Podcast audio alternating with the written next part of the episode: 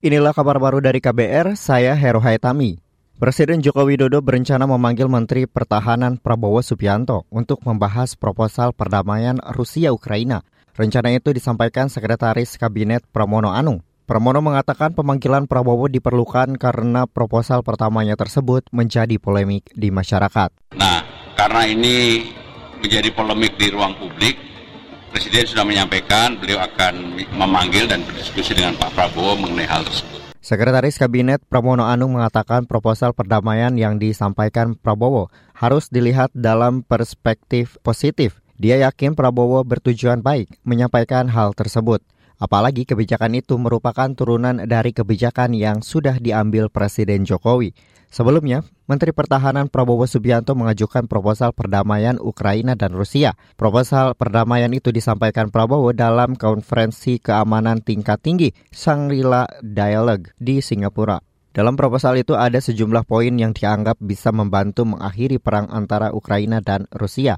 Misalnya seperti gencatan senjata, membangun zona demilitarisasi mundur sejauh 15 km dari posisi terdepan masing-masing pihak, dan menyelenggarakan referendum baru di beberapa wilayah yang diperebutkan untuk memungkinkan warga di sana menentukan nasibnya sendiri.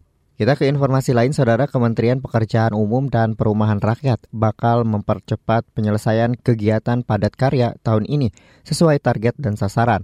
Menteri Pekerjaan Umum dan Perumahan Rakyat Basuki Hadi Mulyono mengatakan program padat karya tahun ini dianggarkan sebesar 15,07 triliun rupiah dengan target 713 ribu orang tenaga kerja.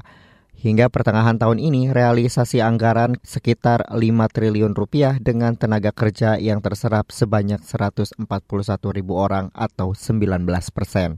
Program padat karya tahun 2023 sebesar 15 triliun dengan progres serapan anggaran sebesar 5 triliun 33,4 persen dengan serapan tenaga kerja 1.507 orang dari total target 713 ribu orang dengan rincian di bidang sumber daya air Pak di bidang sumber daya air sebesar 5 triliun dengan progres 29,2 persen 1,46 triliun.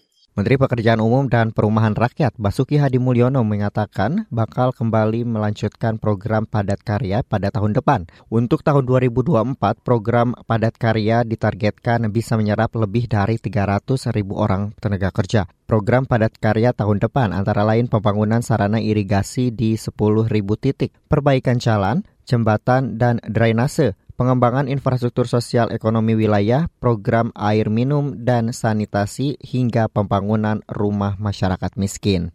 Kita ke lantai bursa, saudara perdagangan saham di Bursa Efek Indonesia sepanjang hari ini didominasi sentimen negatif. Meskipun ditutup tipis di zona hijau, indeks harga saham gabungan IHSG sore ini ditutup menguat 0,8 poin atau 0,01 persen ke level 6.619. Indeks harga menguat tipis setelah sepanjang hari berkutat di zona merah dengan pelemahan terendah mencapai posisi 6.578. Sebanyak 280-an saham menguat, 240-an saham melemah, dan 211 saham stagnan. Sejumlah bursa saham utama Asia juga bergerak bervariasi. Indeks Nikkei Jepang dan Straits Times Singapura melemah, sedangkan indeks Hang Seng Hong Kong dan Shanghai Composite Index menguat. Sementara nilai tukar rupiah menguat tipis terhadap dolar Amerika Serikat. Rupiah diperdagangkan di posisi 14.856 rupiah per 1 dolar Amerika Serikat atau menguat 0,15 persen. Saudara, demikian kabar baru dari KBR, saya Heru Hitami. Salam.